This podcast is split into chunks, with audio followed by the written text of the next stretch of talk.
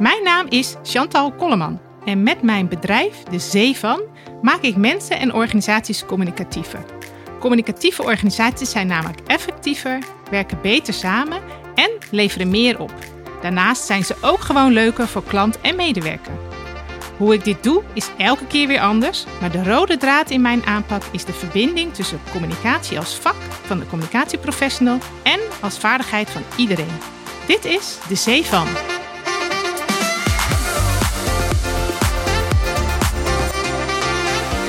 Vandaag ga ik in gesprek met Deborah Timmerman, specialist in het organiseren en faciliteren van digitale sessies en bijeenkomsten. Nou ja, zoals we weten, de afgelopen tijd is de vraag naar het organiseren van digitale bijeenkomsten onwijs toegenomen. En dat is natuurlijk begrijpelijk. En meestal gaat het ook volgens mij best wel goed. Maar er zijn ook uh, beperkingen in online sessies. Vandaar dat het belangrijk is om aandacht te besteden aan de voorbereiding van zo'n sessie. Kun je daar iets meer over vertellen? Tuurlijk. Nou denk ik dat het altijd heel belangrijk is om een bijeenkomst goed voor te bereiden. Dat was ook al voor coronatijd, voordat we alles online deden. Maar nu we de dingen online doen, wordt dat nog belangrijker. En dat komt onder andere omdat je niet ter plekke kan improviseren. Want je zit niet bij elkaar in een zaal. Je kan niet een knipoog geven naar die ene persoon waarvan je denkt, die moet nu echt even iets zeggen. Of nou, dat, dat is gewoon minder. Dus dat betekent dat je echt van tevoren goed uit moet denken. Wat wil ik van deze bijeenkomst? Uh, wat, is, wat is het doel? En dat is eigenlijk tweede ding, wat ook altijd al belangrijk was bij bijeenkomsten, goed nadenken over het doel van de bijeenkomst. Want uh, nou, dat zal jij vast ook herkennen, Chantal. Hoe fijn is het om meteen de vorm in te gaan, het over die PowerPoint te hebben. Dat gebeurt heel vaak, uh, dat merk je als communicatieadviseur heel vaak. Dat uh, het heel snel over de vorm gaat, over welke werkvorm of bij een eh, bijeenkomst, over die presentatie en hoe gaan we die PowerPoint doen en wie gaat wat zeggen. En ik denk het is heel belangrijk om van tevoren na te denken met elkaar. Wat willen we eigenlijk bereiken? Hoe willen we dat die mensen hier weggaan of in online bijeenkomst? Hoe willen we dat ze op die knop leave drukken? Welk gevoel moeten ze hebben? Welk resultaat moet je bereikt hebben? Als je daar naar uitgebreide tijd voor neemt, dan is het veel makkelijker om uh, na te denken welke vorm daarbij past. En uh, nou, nogmaals, omdat we alles online doen, vraagt dat nog meer tijd en voorbereiding. En nou ja, ik vind dat superleuk om te doen, om na te denken met een uh, opdrachtgever en mensen die erbij betrokken zijn. Wat, wat willen we eigenlijk? Ja, mooi. Ja, ik zie heel veel raakvlakken natuurlijk inderdaad met communicatie en de meerwaarde die communicatie kan brengen in, nou, in elke opdracht en inkomsten. Zelf uh, vind ik het heel belangrijk dat we als we naar communicatie kijken, dat we kijken naar meer dan alleen maar inderdaad uh, het middel wat je inzet. En dat je kijkt naar het doel wat je wil bereiken. En dat je dat doet aan de hand van vaardigheden die ik vaak gebruik. Die vaardigheden die gaan over omgevingsbewustzijn, over inlevingsvermogen. Nou, er zijn een, nog een aantal die je kan benoemen. Maar ik dacht, misschien is het wel fijn om aan de hand van die vaardigheden even langs te gaan om te kijken of jij die inzet. Ik weet dat je ze inzet hoor. Dat je die inzet bij het organiseren van bijeenkomsten. Dus laten we bij omgevingsbewustzijn beginnen. Hoe zet jij dat in bij het organiseren van zulke bijeenkomsten? Ja, wat een leuke vraag. Om met die, uh, die, die, dat, die vaardigheden die jij benoemd hebt, uh, dit af te pellen. En ik denk dat omgevingsbewustzijn heel belangrijk is, uh, ook bij bijeenkomsten organiseren en online bijeenkomsten organiseren. En in een online bijeenkomst is het lastiger om goed te peilen hoe iedereen erbij zit. Want ze zitten in dat vierkantje. En als ze tegen zitten, hebben ze zelfs hun camera uitgezet. Waarvan ik altijd toch echt aan het begin vraag: laat jezelf zien. Want op die manier kunnen we in deze karige tijd toch iets van elkaar meekrijgen. Maar dan nog uh, is het lastig om uh, de lichaamstaal goed af te lezen. Zeker als je een grote groep hebt. Hè? Want ik doe ook wel eens bijeenkomsten voor. Uh, nou, mijn grootste is 300 mensen. Nou, is het natuurlijk onmogelijk om alle 300 mensen te zien. Ja, die kun je niet eens op één scherm zien. Nee, dat, dat lukt niet. Maar laten we even teruggaan naar een bijeenkomst die wat kleiner is: 10, 20, 25 mensen dan is het uh, om goed aan te voelen, dus omgevingsbewust te zijn, belangrijk om een goede check-in te doen. Dat vind ik echt heel belangrijk. Want iedereen zit dus ook op een andere plek. Misschien hebben ze net ruzie gehad met hun, uh, met hun kind. Of uh, nou, juist iets heel leuks gedaan. Iedereen komt op een andere manier daar binnen. En zit in zijn eigen context. Dus het is belangrijk om mensen te laten landen in die bijeenkomst. En aan de andere kant het omgevingsbewustzijn te te horen van hoe ze erbij zitten en wat voor hen belangrijk is. Dus daarom doe ik altijd een check-in bij een bijeenkomst. En die kan in allerlei vormen. Als het een kleinere groep is, kies ik er soms voor om à la Deep Democracy. Dat is een manier waarbij je zorgt dat iedereen goed aan bod komt. Daar gaan we nu niet op in, maar voor de mensen die dat kennen. Uh, de vraag te stellen van, uh, nou, uh, wat vind je spannend aan deze bijeenkomst? En dan iedereen daar iets over te laten zeggen. Maar een andere manier kan ook zijn met een poll. Als je denkt van, nou, we willen niet, niet meteen te confronterend zijn, kan je ook een aantal polvragen stellen. Uh, of wat ik eigenlijk het meeste doe, is dat ik mensen een vraag stel en ze vragen om even daarover na te denken. Bijvoorbeeld, wat vind je belangrijk aan deze bijeenkomst? En ze dat in de chat te laten zetten. Dan kan iedereen van iedereen lezen wat ze belangrijk vinden. En ik haal er dan een aantal uit om het toe te lichten. En dat maakt op een of andere manier de, de kust vrij. Hoe zeg je dat? Dan is de, de, de, de, de grond wat omgevoeld om met die bijeenkomst te beginnen. En zoals ik al zei, bij grotere groepen, dus neem even die 300 mensen voor de FNV, dan um, pakken we vaak de poll. Dus dan stel je drie vragen. Uh, vaak ook een beetje een leuke vraag. Ben je al buiten geweest vandaag? Maar ook, uh, wat is voor jou het belangrijkste in deze bijeenkomst? En heb je ook gevoel hoe iedereen erbij zit. En naast die check-in probeer ik ook tijdens een bijeenkomst een aantal tussenchecks te doen. Om te kijken, nou dat kan met een poll of weer met een vraag. Om te kijken hoe is de temperatuur? Hebben ze nog uh, energie om door te gaan? Of is het belangrijk om een pauze te maken? En als laatste zou ik hier nog over willen zeggen, dat sluit een beetje aan op dat je niet goed kunt echt kunt inzien hoe mensen erbij zitten. Benoem ook dingen die je ziet. Als je ziet dat iemand helemaal naar achter gaat of de hele tijd ergens anders zit te kijken, check even van ben je afgeleid, Marie, of um, hoe is het met je energie, Pieter? Want je kunt ook de fout ingaan dat je het lichaamstaal verkeerd interpreteert. Want het is toch anders of je met elkaar in een ruimte zit of dat iedereen via dat beeldscherm te zien is.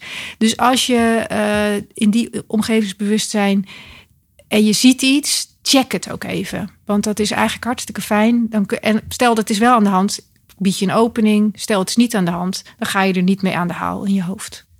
Mooi, dankjewel. Kun je op zo'n klein schermpje zien waarom mensen afhaken? Ja, dat is best lastig. En, daarom zeg ik ook check even. Want dan denk jij misschien dat het inhoudelijk is. Dat ze het er niet mee eens zijn of uh, te veel informatie vinden. En dan is het om iets heel anders. Omdat er net een kind uh, huilend uh, aan de deur stond. nou, of wat er allemaal thuis kan gebeuren. Dus dat is inderdaad volgens mij lastig te zien. En maakt het extra belangrijk om dat even te checken omdat je dan ook weet wat je moet doen. Want als het inderdaad te veel informatie is, is het slim om even een pauze te doen.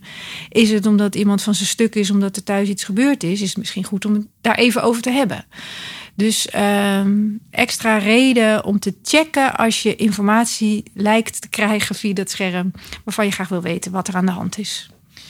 Zijn er dingen, want dit gaat allemaal over in de sessie. Dus wat je kunt doen in de sessie. En daar zit natuurlijk een deel voorbereiding van jezelf in. Maar zijn er ook dingen die je echt voordat je een sessie gaat bedenken, die je in de voorbereiding op dit punt waar je al over nadenkt?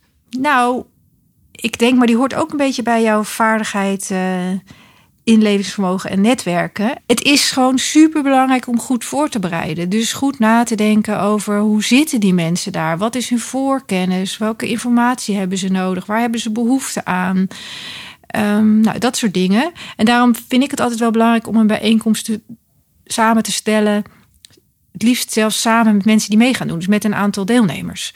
Want je kunt zo makkelijk vanuit jouw visie op het geheel, vanuit jouw bril denken dat er iets nodig is. En dat eigenlijk deelnemers iets anders nodig hebben.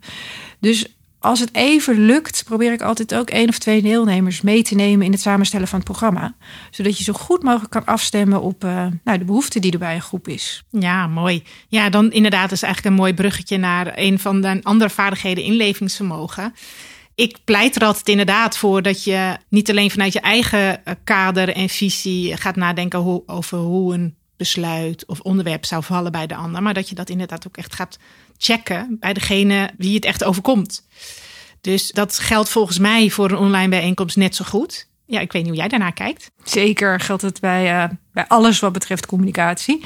En dus ook voor bijeenkomsten. En dus ook bij online bijeenkomsten. Uh, nou, het eerste is dat er natuurlijk altijd verschillende soorten mensen. Nou, iedereen is anders. Sommige mensen leren vooral door dingen te zien, anderen door te horen, anderen door het uit te proberen.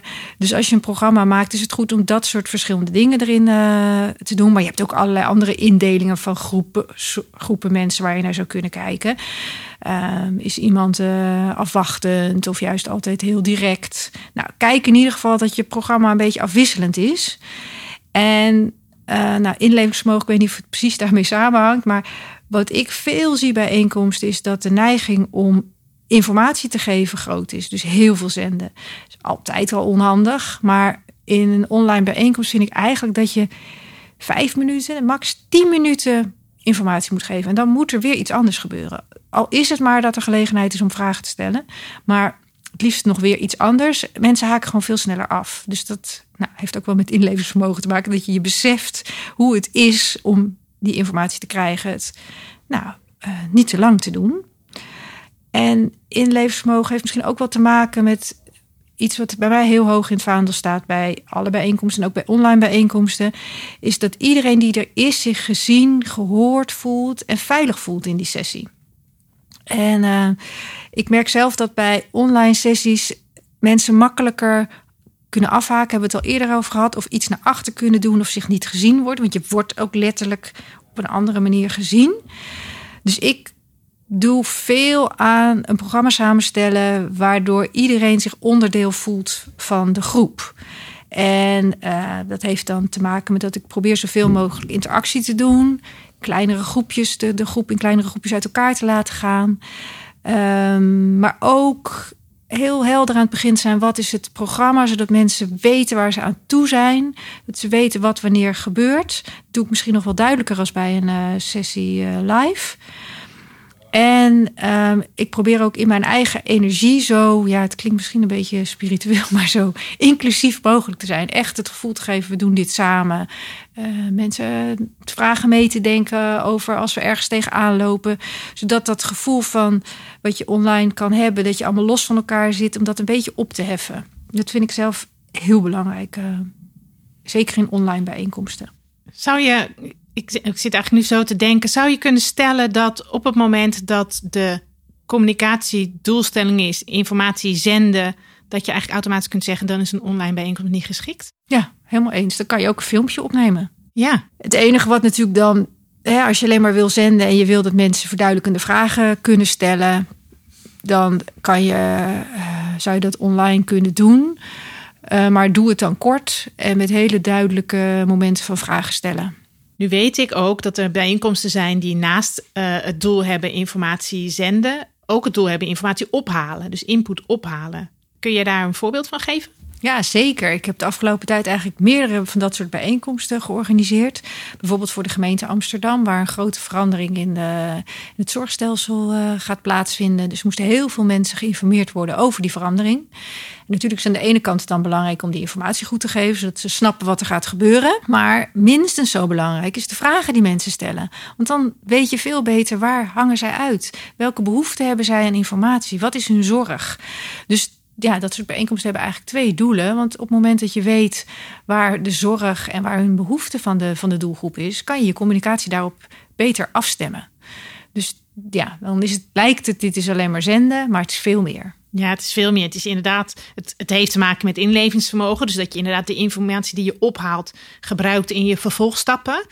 Maar dat vraagt natuurlijk wel om goed luisteren. Een van de andere vaardigheden die er is. Want ja, je moet wel natuurlijk de juiste boodschap uit hun uh, verhaal kunnen halen. Ja, nou en wat ik eigenlijk dan weer een voordeel vind van online bij uh, dit soort grote bijeenkomsten. Ten eerste natuurlijk, nou, dat zijn echt bijeenkomsten voor 100, 200 mensen. Als die allemaal naar een plek hadden moeten komen in de stad, dat kostte echt heel veel tijd. En wellicht zouden mensen dat ook dan niet kunnen inplannen in hun agenda. Dus dat is natuurlijk een voordeel. Maar ook, uh, mensen kunnen best eenvoudig vragen stellen door die in de chat te zetten. Want er zijn natuurlijk alle mensen die dat niet durven. Of hè, als het live zou zijn, zou een aantal wel het woord nemen. Maar anderen zouden denken, nou, mm, ik weet niet of mijn vraag wel zo goed is of wat dan ook. En op het moment dat je je vraag in de chat kan stellen, is veel laagdrempeliger. En het volgende voordeel is dat die vragen meteen vastgelegd zijn. Dus je hebt aan het eind van de bijeenkomst heb je gewoon alle vragen in een document. En daar kan je dan een mooie QA van maken, die je nou, zo snel mogelijk na de bijeenkomst weer kan toezenden. Dus ook als je niet de tijd hebt om alle vragen te beantwoorden, heb je ook alle vragen die er verder nog leven. En die kan je natuurlijk achteraf eh, prima beantwoorden. Dus dat vind ik dan toch weer een voordeel van online. En tot slot, je kunt het verhaal opnemen. Hè? Want als je een bijeenkomst hebt, heb je de knop opnemen. En dus ook de mensen die toch niet in staat waren om aan te haken, die kunnen het filmpje terugkijken. Dus nou, zo zijn er ook wat voordelen die, die tegenover de nadelen, die er zeker ook zijn, uh, staan. Zijn er nog andere bijeenkomsten waarvan jij uh, de voordelen ziet van online? Ja, eigenlijk ook wel tot mijn eigen verrassing had ik uh, vorige maand een online bewonersbijeenkomst. Dus dacht ik, oeh, dat is spannend. Het ging over een uh, straat waar veel onvrede was onder de bewoners. Over hoe die straat ingericht was. En het sleepte eigenlijk al een poos. Dus uh, in de voorbereiding vonden we het allemaal best spannend. Van, kan dat wel online? En die bijeenkomst hebben we uh, heel goed voorbereid. Echt heel goed nagedacht over de opbouw. En het ging heel goed. En ik dacht, eigenlijk is dit misschien wel wel nou, beter, maar in ieder geval minstens zo uh, effectief en goed als dat je het in een zaaltje had gedaan. En, en waar lag dat nou aan? Ook hier speelde weer dat iedereen iets kon zeggen. Hè, waar je bij een bewonersbijeenkomst helemaal wel eens ziet dat er gewoon een aantal uh, spreekbuizen zijn. En van de rest weet je eigenlijk niet zo goed hoe ze erin zitten. Dus nou, door een goede structuur aan te brengen in de bijeenkomst en weer die chat te gebruiken, ging dat heel goed. Maar wat we ook hebben gedaan, is dat we uh, nou, halverwege de bijeenkomst in kleinere groepjes uit elkaar gingen. En echt kleine groepjes. Dus dan moet je denken aan vier, vijf. En dat kan je natuurlijk ook doen live, hè, dat je allemaal zaaltjes hebt. Hoewel dat dan alweer vaak lastig is. Want hoeveel heb je genoeg zaaltjes dat ze geen last van elkaar hebben, dat ze door elkaar heen praten. En in een online bijeenkomst is het gewoon druk op een knop. En iedereen zit in een uh, subsessie, in een breakout room. En omdat we die dus best klein konden maken, vier, vijf mensen, hebben we echt met iedereen kunnen bespreken. Wat is nou voor jou het punt waar de verbetering moet komen? Waar zie jij de overlast? Wat zie jij voor oplossingen? Dat hebben we vervolgens ook meteen vastgelegd op zo'n digitaal whiteboard. Kom je daarna weer terug, hè, als alle groepjes die, die, dat gesprek hebben gehad, kan je die whiteboards heel makkelijk weer met een druk op de knop delen, zodat iedereen kan zien wat er in de andere groepen is uh, besproken. En ik kreeg het gevoel dat het heel veel overzicht, richting, rust gaf in die groep. Juist door de online uh, tools die je hebt. En nu denk ik dat het offline ook goed was gegaan, maar het ging echt online minstens zo goed. Dus dat was voor mij een grote verrassing. En hier speelt natuurlijk ook weer dat alles vast was gelegd, de chat vastgelegd, de whiteboards kan je meteen digitaliseren. Maak je een PDF van, stuur je de volgende dag naar de bewoners. Die voelen zich hartstikke goed geïnformeerd over wat er was. Dus nou, ik uh, dacht, hm, misschien moeten we deze er ook maar inhouden. Ja, klinkt goed inderdaad. En uh, in de voorbereiding van deze bewonersbijeenkomst ten opzichte van een grote informatiebijeenkomst, maak je dan nog keuzes tussen verschillende werkvormen? Hou je daar rekening mee? Ja, nou wederom gaat dit natuurlijk weer. Wat is het doel van de bijeenkomst? Hè? Is het uh, informeren of is het meer interactief dat je juist van de deelnemers uh, input wil vragen? En ik heb ook wel grote bijeenkomsten gehad waar we ook in breakout rooms zijn uh, uiteen zijn gegaan. Uh, de max is inderdaad 50 breakout rooms. Dat vond ik zelf wel echt heel spannend. Uh, dat was dus echt een groep van tegen de 200 die we vervolgens in 50 breakout rooms met een opdracht hebben weggestuurd. En daarbij, er komen misschien op luistervaardigheden als je het goed vindt. Ja, een hele zeker. belangrijke communicatieve vaardigheid daarbij kwam ik er wel achter hoe belangrijk het is om mensen dan een hele duidelijke opdracht mee te geven in die breakout rooms. Want het was natuurlijk onmogelijk om voor die 50 breakout rooms 50 facilitatoren te, te regelen. Dus die mensen gingen gewoon met z'n vijven, was het volgens mij, in een breakout room en zij moesten ergens over nadenken. En ze, ze moeten dus heel goed weten wat ze daar moeten doen. Want ze komen dan met vier andere mensen die ze niet kennen Dus dat is een van de dingen die ik merk bij online bijeenkomsten. Hoe belangrijk het is om heel duidelijk te zijn in je opdracht en je communicatie. En het niet te moeilijk te maken. Want je kunt veel lastiger, in dit geval helemaal met die 50 breakout rooms, overal even langs van hebben jullie het begrepen? Of, en je kan ook moeilijker een briefje meegeven, want je kan niet iets uitdelen. Daar zijn natuurlijk ook wel weer online uh, digitale oplossingen voor. Maar desalniettemin is het zo belangrijk om heel duidelijk te zijn in wat je gaat doen, wat je van de ander vraagt en daar heel expliciet in te zijn. Nou, hij heeft misschien eerder nog met taal- en beeldvaardigheid te maken, denk ik.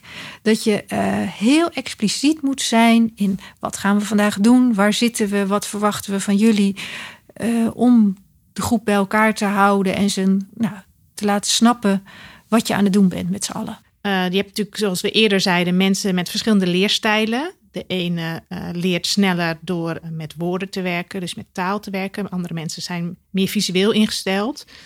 Andere mensen leren in de praktijk, andere leren van papier. Hou je daar met het, het, organiseren van bijeenkomsten en de verschillende werkvormen die je daarvoor in kunt zetten rekening mee? Ik zit vooral op te letten van hoe zorgen we dat de mensen die wat stiller zijn erbij halen dat is iets wat mij vaak wel opvalt. Dat er een aantal mensen dan niet actief meedoen. En dat is natuurlijk online ook zo makkelijk. Want uh, je wordt heel snel afgeleid en je hebt het druk. Dus die doet nog even dat appje. En je kan ook stiekem je mail erachter uh, achter hangen en daarmee verder gaan. Dus daar ben ik veel mee bezig. Hoe, hoe, dat anders. En ja, dat los ik op door mensen toch heel expliciet ook aan te spreken. Dat past, past een beetje bij hiervoor zijn. Dus ook mensen ook gewoon letterlijk Chantal, wat vind jij hiervan? Dat past een beetje bij dat expliciet zijn en ook zo concreet mogelijke vragen te stellen. Maar iets wat ik ook echt in online bijeenkomsten zoveel mogelijk probeer, is toch in die kleinere groepen uit elkaar te gaan. Want in een grotere groep val je gewoon sneller stil. Zie, ja, wat ik al eerder zei, voel je je niet gezien of gehoord. En nou, met een groepje van zes tot acht kun je echt wel contact maken online. Want dat is natuurlijk een klacht die je veel hoort, hè? dat mensen het gevoel hebben dat ze geen echt contact hebben. Mijn ervaring is met kleinere groepjes met een duidelijke opdracht gaat dat prima. Dus um, daar zit mijn afwisseling dan vooral in, in die kleinere groepjes. En dan zijn er natuurlijk heel veel leuke werkvormen te bedenken. Um, waarbij ik door dit gesprek bedenk: oh ja, ik moet wel echt meer rekening nog houden met die verschillende leerstijlen. Dus nou, mooie opdracht voor de komende tijd. Dankjewel voor dit fijne gesprek. Wat ik uit dit gesprek meeneem is: neem voldoende tijd in de voorbereiding van de bijeenkomst. Denk uh, goed na over het doel van de bijeenkomst voordat je hem vormgeeft. En houd bij bijeenkomsten rekening met de verschillende soorten mensen die aan de bijeenkomst meedoen. Ik ben Chantal Kolleman en dit was de podcast De Zee van. Wat vond jij als luisteraar van dit gesprek? Laat het me weten. Ga naar dezeevan.nl of bezoek mijn LinkedIn-pagina.